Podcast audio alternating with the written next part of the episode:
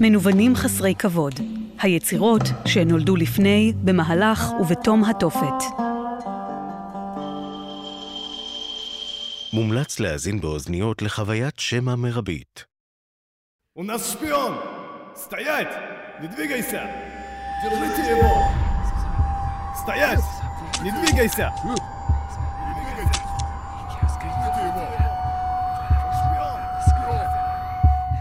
המחזאי היהודי-גרמני פרידריך וולף מוקף בעשרות חיילים סובייטים. כולם מכוונים לעברו את כלי הנשק שלהם. וולף במרחק רעידת אצבע ממוות בכיתת יורים. כשהוא נכנס בשערי היחידה הוא עוד חשב שהוא בא לספר על שובר הקופות שלו, המחזה פרופסור ממלוק. אתם בטח שואלים, איך וולף הגיע למצב הזה? אחרי שהוא בא מרצונו הטוב כשנאמר לו שהוא אורח הכבוד של היחידה הצבאית. איך הוא הפך לגורם עוין שמואשם בהתחזות ובריגול? שלום, אתם על מנוונים חסרי כבוד, ובהסכת הזה נדבר על תגובת אנשי התרבות ברחבי העולם למתרחש באירופה בזמן אמת. חלק מהיצירות נדירות במיוחד, ועל אף חשיבותן, מעולם לא קיבלו את הבמה הראויה. בהסכת ניתן ליצירות האלה קול באמצעות המחזות מקוריות שיבוצעו על ידי שחקנים ושחקניות נפלאים. אז מה עלה בגורלו של פרידריך וולף ולמה החיילים הסובייטים רצו להרוג אותו? התשובה לשאלה הזאת תמונה בסיפור מאחורי המחזה האנטי-נאצי שיצר ב-1933 פרופסור ממלוק. וולף היה כאמור יהודי גרמני שלמד רפואה ושירת כחובש בצבא גרמניה במלחמת העולם הראשונה. הוא לא היה רק יהודי, אלא גם קומוניסט, ועם עליית הנאצים לשלטון היגר עם משפחתו לברית המועצות. הבולט במחזותיו, פרופסור ממלוק, מביא את סיפורו של מנתח ראשי בברלין, יהודי המאמין בתבונה, בהומניזם ובמדינתו. בדומה לוולף עצמו, גם ממלוק הותר בצלב הברזל על שירותו במלחמת העולם הראשונה. למרות המצב הפוליטי, ואפילו כשבתו מגורשת מבית הספר תוך קריאות יודן ראוס, הוא נשאר עיוור לאנטישמיות הגוברת סביבו, ומסרב לעזוב את גרמניה. בקיצור, פטריוט לתפארת. אך למרות הרצון של ממלוק להישאר אופטימי לגורל מולדתו, לנאצים יש תוכניות אחרות. בסופו של המחזה ממלוק ניצב בפני משהו למעשה גזר דין מוות. באקט אחרון של התנגדות, הוא מחליט לשלוח את ידו בנפשו. המחזה זכה להצלחה רבה, הוא עלה על במות רבות ברחבי אירופה והגיע אפילו, תאמינו או לא, לתל אביב. בשם קצת אחר, פרופסור מנהיים, ההצגה זכתה להצלחה גדולה על בימת התיאטרון הלאומי, 68 הופעות, יותר מכל מחזה אחר באותה עונה. עדות ליחס של היישוב העברי למתרחש בגרמניה אפשר למצוא בביקורת שנכתבה על המחזה, על ידי אליעזר לוברני, בעיתון במעלה, יולי 1934. סוף סוף נתנה לנו הבימה שוב חיזיון חי, תוסס ומשכנע בגווניו המציאותיים. בימינו אלה, כשחרב הברבריות מונחת על צוואר האנושות, אין עוד מקום לאומנות גרדה. הציבור תובע מזון ממש. לכו בחורים לראות הצגה זו ונוכחתם לדעת טעם פשיזם מהו. גם אברהם שמואל יוריס, מהמבקרים הנוקבים והחדים של התקופה, פרסם ביקורת שכמעט מזכירה את הנבואה המטרידה של חורניטו, בעיתון הפועל הצעיר. ארץ של תרבות גבוהה הופכת לארץ של מאפליית ימי הביניים, וקורות אמנציפציה של מאה שנה, שוויון זכויות יהודי, נמחים בחד המחתא. ואם מהפכת היטלר נעשית אסון לעם הגרמני, הרי בשבילנו יש בה משום סכנת נפשות ממש, השמדה גופנית והשפלה אנושית. ואם מגפת היטלר היא ליקוי חמה שקיבע את מאורות הרוח בת הדורות, הרי בשבילנו היא כיבוי החיים. ניתוק שורשי הווייתנו הפשוטה. היא מאיימת להיות שעת השקיעה האחרונה והכיליון החרוץ. אבל האמת היא שהתגובות ביישוב העברי לסדר היום מחדש בגרמניה לא כללו רק נבואות זעם קודרות. בעיתונים השונים החלו להופיע מדורי הומור שכללו בדיחות על המתרחש מעבר לים. היו עליו הרבה מאוד בדיחות על היטלר, גם בקרב היהודים. כשאנחנו מגחכים את האחר, אנחנו מגמדים אותו. ההומור לא משנה מציאות אובייקטיבית, הוא משנה את איך שאנחנו מסתכלים על המצב. זו הייתה הדוקטור חיה אוסטרובר, חוקרת שואה והומור. אז איך נראו בדיחות שואה בזמן אמת? שני גרמנים נכנסו לבר. אז ככה, הזמינו את היטלר לבקר במוסד לחולי רוח. לאחר שעבר בחדרים, ניגש לקבוצת ילדים חולי רוח ושאלם. היודעים אתם מי אנוכי? הילדים שתקו. היטלר הסביר להם. אדולף היטלר הנני, בידיי כל השלטון והכל הנני. החלו הילדים להניע בראש, ואחד פנה אליו ואמר, מסכן, כך, כך גם אנו התחלנו לדבר דברים כאלה, והושיבונו בבית הזה. הבדיחה הזו פורסמה בעיתון דבר של 10 באוקטובר 1934, והיא נקראת בבית משוגעים. באופן לא מפתיע, הצורר כיכב בבדיחות רבות באותה עת. נושא שבלט במיוחד בהלצות הללו, היה הדמיון המטריד בין היטלר לבין לא אחר מצ'רלי צ'פלין. צ'רלי צ'פלין כולו רוגזה. כן, צ'רלי צ'פלין כולו רוגזה. וכך לשונו. מעילה אותו היטלר מעטר פרצופו בשפם כשפמי. ניחא, מעילה כל העולם כולו מדבר בו, כדרך שהוא מדבר בי. ניחא. אך מה? שהכל צוחקים לו יותר משצוחקים לי? לכך אין בפילו סליחה ולא מחילה. עיתון דבר, 22 בנובמבר 1934.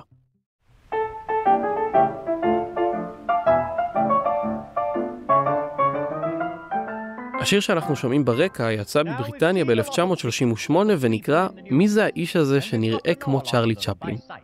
ניחשתם נכון. Who is this man who looks like Charlie Chaplin? What makes him think that he can win a war? It can't be the moustache. That only makes us laugh.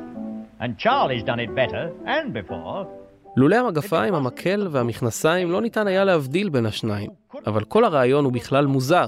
אדולף לא יכול היה למלא תפקיד שקט, וצ'רלי מעולם לא אמר דבר. Cartoonists love his makeup, but one morning we shall wake up and find it's Charlie Chaplin all the time. יבואו.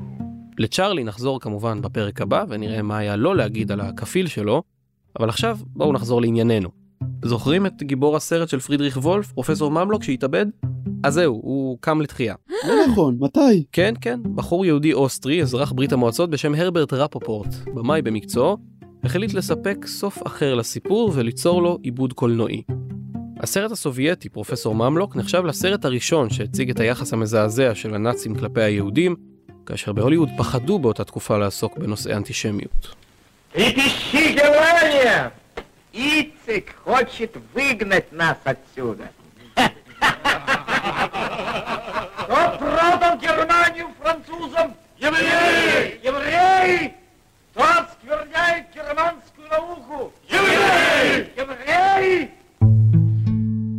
גרמניה רעדים מפחד, יצחק רוצה להעיף אותנו החוצה.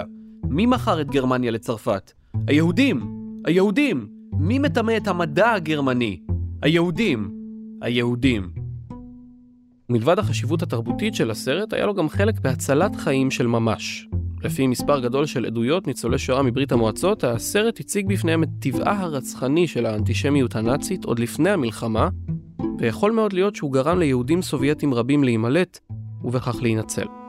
עם זאת, סרטים סובייטים נאסרו להקרנה במערב לעיתים קרובות והוגדרו כתעמולה קומוניסטית. הצנזורים בשיקגו אף הגדירו את פרופסור ממלוק בתור תעמולה יהודית וקומוניסטית טהורה נגד גרמניה. אז פרופסור ממלוק לא שם קץ לחייו? במקור, כמו שאמרנו, ממלוק התאבד, ואילו בסרט הוא נורה על ידי חייל אס אס, וכך בעצם רוב האנשים מכירים את הסיפור. במקרה ביזארי במיוחד במהלך מלחמת העולם השנייה, וולף, כותב המחזה המקורי, התבקש לשוחח על פרופסור ממלוק בפני יחידת חיילים בצבא האדום.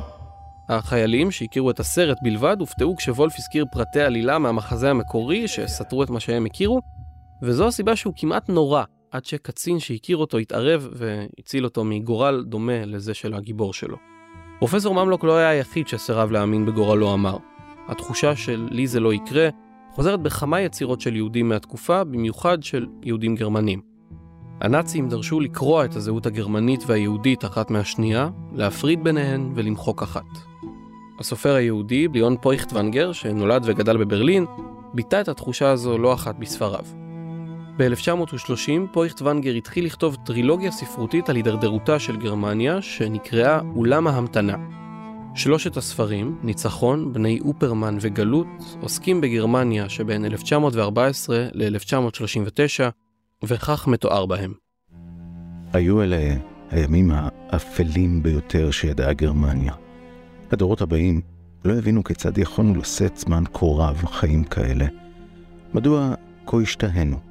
כיצד פסחנו על שתי הסעיפים, וקיווינו, ופחדנו, עד שהסקנו את המסקנה כי לשלטון האלימות והאיוולת יש לשים קץ באלימות.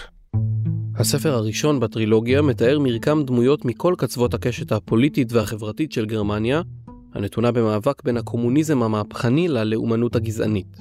הספר אף מכיל תיאור סאטירי של היטלר כנואם מטורף הסוחף אחריו את האספסוף הגרמני, תוך הבטחה ליצור עבורם עולם טוב יותר, מוטיב שנחזור אליו פעמים רבות בהסכתנו. כמובן שהספר לא גרם לפויכטוונגר להיות אהוב במיוחד על ידי הנאצים, והוא, בניגוד לחלק מגיבורי ספריו, החליט להסתלק מגרמניה. במקום גלותו הוציא לאור את הספר השני בסדרה, המתאר משפחה יהודית עשירה ומכובדת בגרמניה שמתמוטטת אל תוך המציאות המשפילה והדורסנית של השלטון הנאצי. לאורך הספר עולה השאלה מהי מולדתם של היהודים שהתגוררו בגרמניה. עד הקץ אין הם מאמינים כי משהו כזה יחזיק מעמד. הם רואים את עצמם כגרמנים לכל דבר. בחלקה השלישי והאחרון של הטרילוגיה, שנכתב מפריז, כתב פרויכטוונגר על הוויית הגרמנים שברחו אל העיר, יהודים ונוצרים. הוא מתאר את חייהם של אנשי רוח גרמנים ואת תחושת השבר של אנשי האינטליגנציה הנאורה בגרמניה. אגב פויכטוונגר, קשה שלא להזכיר את אחת היצירות הבולטות שלו, היהודי זיס, שעברה כמה גלגולים מפתיעים. היצירה המקורית ראתה אור ב-1925 ומבוססת על סיפור חייו של יוזף זיסקינד אופנהיימר, בנקאי יהודי מהמאה ה-17. ב-1934 עלה לאקרנים בבריטניה סרט מחאה אנטי-נאצי תחת אותו שם, שהתאים לאקלים הנוכחי של העת. Why can't we leave the ghetto? You can, but whether you live here in poverty or outside the walls in a palace, you will always pay the price of our heritage. באחת הסצנות המכריעות בסרט, הסוחרים הנוצרים זועמים על התחרות מצד היהודים, מתכננים פוגרום ומאשימים סוחר יהודי בעלילת דם קלאסית. The Jew store. Isn't tonight their Passover? Don't they need Christian blood? כמה שנים לאחר מכן הטוויסט הגיע כשיצא סרט נוסף בשם היהודי זיס, ולמרבה האירוניה הפעם כסרט תעמולה נאצי בהזמנה אישית של יוזף גבלס. זיס, היועץ הכספי, מצויר על פי סטריאוטיפ מובהק בתעמולה האנטישמית, היהודי החמדן. בימינו היצירה המוכרת מבין שלוש הגרסאות של היהודי זיס, היא הנאצית שבהן. לפני עליית הנאצים לשלטון נכתבו יצירות שמנתחות את הפשיזם ואת דמות הרודן, לא מעט בהשראת בניטו מוסוליני מארץ המגף. אלו כמובן הפכו לרלוונטיות יותר כשהיטלר השתלט על הכותרות, ובין היצירות האלה בולטת הנובלה "מריו והקוסם", שחוברה על ידי תומאס מן מגדולי הסופרים בתרבות הגרמנית. הספר יצא לאור ב-1929, ועל אף שהעלילה מתרחשת באיטליה, היא בהחלט רומזת למה שעתיד להתרחש בגרמניה בעוד ארבע שנים. הנובלה נשארה עדכנית גם לימי עליית הנאציזם, בעיקר בשל הכתיבה המטאפורית של מן. הדמות המרכזית, צ'יפולה הקוסם, לא קורצת רק לבניטו מוסוליני, אלא היא סוג של אב טיפוס לכל דמגוג. גם בקולנוע הופיעו דמויות שמזכירות באופן חשוד רודנים מסוימים, אחת מהן אפשר למצוא בסרט עדותו של דוקטור מבוזה, מותחן פשע בבימויו של פריץ לנג, שכונה מאסטר האפלה, ונחשב לאחד הבמאים המשפיעים בתולדות הקולנוע. עדותו של דוקטור מבוזה הוא למעשה סרט המשך, וקודמו, שיצא ב-1922 בגרמניה, מתאר גאון קרימינלי שסוחט אנשים ואפילו משתמש בכוחות היפנוזה מיסטיים, הכל כדי לשלוט עליהם. בסרט דוקטור מבוזה מכריז כי יש רק דבר אחד שמעניין בחיים, לשחק עם אנשים ועם גורלם. 11 שנים לאחר שיצא, ב-1933, לנג החליט לחזור לדמות הדוקטור הסדיסטי, כשגרמניה אחרת לגמרי נרקמת סביבו. בעדותו של דוקטור מבוזה, הדמות הראשית נמצאת במוסד לחולי רוח. הוא אינו מדבר ולכאורה אינו מגיב, אך במהלך כל הסרט הוא מחבר ללא הרף מסמכים על גבי מסמכים המתווים את האסטרטגיות של אימפריית הפשע שלו.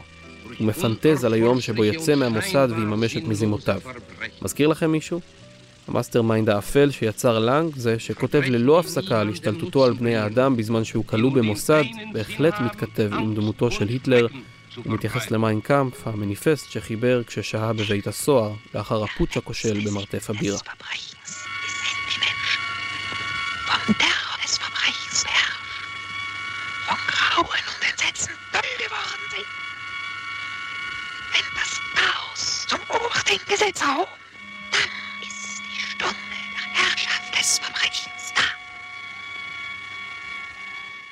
כאשר האנושות המוכפפת לטרור השתגעה מפחד ואימה, וכאשר הכאוס הפך לחוק עליון, אז יגיע הזמן לאימפריית הפשע. מי שזיהה את הדמיון והביקורת הסמויה הוא לא אחר מאשר, שוב, יוזף גבלס. הוא גנז את הסרט עוד לפני צאתו לאקרנים וזימן את לנג לשיחה צפופה בנדון. במהלכה הציע שר התעמולה ליוצר המוערך תפקיד יוקרתי וחדש, ראש הקולנוע הגרמני. הרי הקולנוע היה כלי מרכזי בידי התעמולה הנאצית, וגבלס רצה ללהק אליו רק את הטוב ביותר. לפי לנג הוא אמר לגבלס בנימוס שההצעה נהדרת. כשהוא חזר הביתה, לנג ביקש מעוזרת הבית שלו לארוז את חפציו, ובאישון לילה הוא נמלט לצרפת, ומשם הישר לבירת הקולנוע העולמי, הוליווד. שמי הוא אדולף היטלר. בשם הזה העולם מכיר אותי, והוא לא מכיר אותי בשם אחר. מאז 13 דקות אחרי שתיים בלילה, בבוקר הנורא של ה-29 בספטמבר 1938, אני אדולף היטלר, היחיד שחי עלי אדמות. לאור מה שבמוקדם ובמאוחר חייב להיות הצעד הבא שלי, אני רושם שלט קרח של אירועים חשובים מסוימים שהייתי במרכזם. רק כך אוכל לתקן את הפרוטוקולים של ההיסטוריה לפני שהם מאושרים בשגיאה או בבורות ומתווספים לארכיונים המתועדים של האדם לצמיתות. והסוד האדיר שלי נקבר איתי לנצח. כן, אדולף היטלר מת. הוא בכלל לא התאבד בירייה ב-1945 בבונקר שלו בברלין. בשנת 1938 היטלר הורעל בסם דרום אמריקאי ומת. הוא מת לילה לפני ועידת מינכן בסעודה יחד עם באואר, גרינג, גבלס ובכירים אחרים. או כך לפחות טוען מחבר אנונימי בשנת 1939 בספר "מותו המוזר" של אדולף היטלר. במבוא, שנכתב על ידי המוציא לאור, נטען כי מקורות כתב היד היו בלתי ניתנים לערעור. לפי הספר, המחבר המכנה את עצמו מקסימיליאן באואר, נעצר על ידי המשטרה הגרמנית ב-1933 בגלל הדמיון שלו להיטלר. המפלגה הנאצית עלתה לשלטון למחרת, וארנסט רואה, מייסד ה-SA, החליט שאולי יהיה בדמיון הזה שימוש מאוחר יותר. לבסוף הוחלט לשמור על באואר ועל שלושה אחרים ככפילים אפשריים עבור היטלר. במהלך השנים הללו באואר שימש כשומר ראש של הפירר, אך בינתיים למד ללא הרף להתחזות אליו. באחת הפעמים הוא אפילו נשא נאום בעקבות הכיבוש הגרמני של חבל הריין, והיטלר בירך אותו מאוחר יותר על כך. גם לאחר פרוץ המלחמה, ההתמקדות בדמותו של היטלר, ואפילו במצב ההולך ומחריף של היהודים, הופיעו באינספור יצירות, מבלוז מהמיסיסיפי דרך מוזיקת קליפסו קריבית, סרטי אנימציה של וולט דיסני, ועד מחזות וספרים מטלטלים. העיסוק בה מתרחש בגרמניה לפני 1 בספטמבר 39, שבא לידי ביטוי בעיקר באמנות גבוהה, במרכאות, כפי שראינו בפרק הזה, יקבל תפנית חדה בפרק הבא. אני עמית קלדרון, תודה לכותב והעורך הראשי ישי חסקי, למאיה מידן שערכה, כתבה והפיקה, ליועד מאיר על העיצוב ועריכת הסאונד, ולהדר פרנקנטל, ראש מחלקת גל"צ הסכתים. תודה גדולה לאלו שנתנו את קולם לפרק הזה, אהוד גרף, אלי גורנשטיין, ערן אליקים וערן קורץ. תודה מיוחדת גם למשה פולק, מנהלת הארכיון של יד ושם, ולדוקטור חיה אוסטרובר. עד כאן הפרק השני של מנוונים חסרי כבוד על יצירות שנכתבו לפני מלחמת העולם השנייה והשואה. תודה לכם ולכן על ההאזנה, נשתמע בפרק הבא.